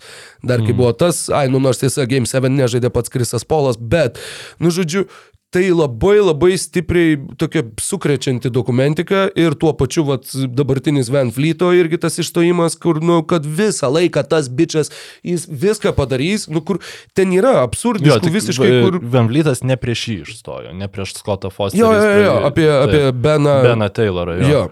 Kur ten yra, nu, va, yra tie įrašai, kur, žinai, kur ten jis paploja ir sako, let's go, nors me Van Vlytas, ir gauna techninę. Ir Bet daug, šiaip- daugybė tokių, sakau, kur netgi, netgi žiūrint, nu, va, tą būtent konkrečiai Netflixo dokumentinį apie Timą Donagį, kur su juo pačiu yra šnekama, nu, va, kur, sakau, va, tą sutrumpintą siužetą, kaip ir, kaip ir čia jums papasakojom, nu, yra vietų, kur tiesiog jau ten lingalo mane tai šakas, mane tiesiog pykint pradėjo žiūrint, nu, kur tu suvoki, kad net, netgi šiandien NBA realiai gali manipuliuoti rungtynių rezultatais, gali daryti įtaką tam, kas laimės, kas praloš. Ir kai tu suvoki, iki kiek stipriai va, tai yra įsišaknyje ir kiek metų tai vyksta, pradeda nuo Kings Lakers Game 6 uh, legendinių konferencijos finalų, nu tai truputėlį netgi, netgi aš, aš nežinau, pažiūrėjau, atkrintamasis tas pačias, nu kai jau pradėsi taip realiai sekti viską iš eilės, kiek bus, nu ta prasme, tai supurtė kažkokį pamatą, man bent jau, ir aš žinau tikrai, kad man žiūrint bus vietų, kur žiūrėsi ir visai kitaip traktuosi dabar teisėjų sprendimus, va tuos abejotinus sprendimus, visai kitaip seksi, visai kitaip bandysi juos vertinti ir, nu žinai, belieka tikėtis, kad nežinau, vat, Eurolygoje, Lietuvos krepšinio lygoje, Europos tauriai, kad, kad, kad nu tai neegzistuoja ar bent jau neegzistuoja iki tokio lygio, nes nu čia yra... Nes Šiaip bendrai aš tai nesakyčiau, kad e, NBA teisėjavimas yra kažkoks blogas labai, bet vat būtent tokie, sakykime, iššokantis kažkokie epizodai, tas tas, dar faktas, labiau kad confusina. Lyga gali turėti įtakos. Lyga gali prieš šimtinės pasakyti teisėjams, kad šita komanda negali laimėti. Jo, jo. Ir teisėjai tada padarys, kad šita komanda nelaimėtų. Ir tai yra faktas, tai yra lengvai padaroma. Tai yra, nu, tu gali su visokiais, belė kokiais švilpukais, tu gali kontroliuoti rungtynių ritmą, tu gali ten irgi įskaityti, neįskaityti, tu gali. Tas pats Dona Gibero atsakė, kad aš per rungtynės galiu 8 taškus drąsiai į vieną ar į kitą pusę, tipo, tiesiog paimt, nuimt, pridėti, atmesti. Ir dėl to e, dabartinis krepšinis yra geresnis negu 2000-ųjų, nes dabar 8 taškai reiškia mažiau. Negu seniau. Va, čia Nu nu jo, ko aš vežiau visą laiką. E, šiaip uh, Fredas Mavlytas po šito pasisakymo žais, ž, pradėjo žymiai geriau žaisti ir man įdomu, kiek gali būti, kad jis kaupia, kaupia savyje, žinai, tą inform, nu, informaciją, tą tulžį ir, ir tiesiog būdavo po kiekvienose rungtynėse, kai tu, nu, Raptorsai dar ta Winers komanda yra, e, kurie pastoviai verkia vadinami, kur tu kaupi, kaupi savyje ir tu galiausiai, žinai, išsilieji ir dabar tau tu matai, kad Jailenas Braunas sako, aš tiesiog, nu, pasižiūrėkit Fanflyto interviu, aš ne, ne, neturiu ką komentuoti po šitų rungtynių, tu tapai tokių kaip ir simbolių ir aš manau, kad mes jo tą interviu referencus į jį mes vis dar matysim vėl ir vėl ateinančias atkrintamosiose tikrai. Ir jis pradėjo žymiai geriau žaisti, tai uh, netgi vėl, vėl dabar smagu žiūrėti Torontą. Tai, tai, Tai palinkėsiu, kad ir toliau to būtų smagu jį žiūrėti, palinkėsiu ir visiems mūsų klausytojams bei žiūrovam, kad ir jums būtų smagu uh, sekti krepšinį, NBA krepšinį, sekti basket news, uh, kad būtų smagu paspausti subscribe, paspausti like, rekomenduoti draugams ir, uh, ir uh, tuo pačiu uh, mėgautis gyvenimu, mėgautis sportu ir mėgautis kalbomis apie krepšinį. Jo, papezėjom šiandien su Roku normaliai ir apie krepšinį, ir, ir labai ne apie krepšinį. Reiks gal kitas iki po pertraukų mums susitikti, šiaip pasikalbėti, kad tada jau galėtumėm Nu jo, jo. koncentruotesnį e, turinį e, išduoti. Nieko va nepapasakau, kaip man su buliacais nesiseka. Košmaras, žinok, aš ten kaip dabar man tas seivas yra kaip darbas, į kurį nenoriu eiti. O, rūpkė. Taip, toks tiesiog turi įsijungti ir, tie šitas dabar nenori pratęs kontrolę. O, gerai, iki. Ačiū visiems, likit sveiki ir laimingai. Ačiū, kad žiūrėjai šį podcastą. Paspausk like, taip bus pamatys dar daugiau žmonių, arba prenumeruok kanalą ir gausi informaciją iš karto. Nuo dar daugiau turinio BN ⁇. e.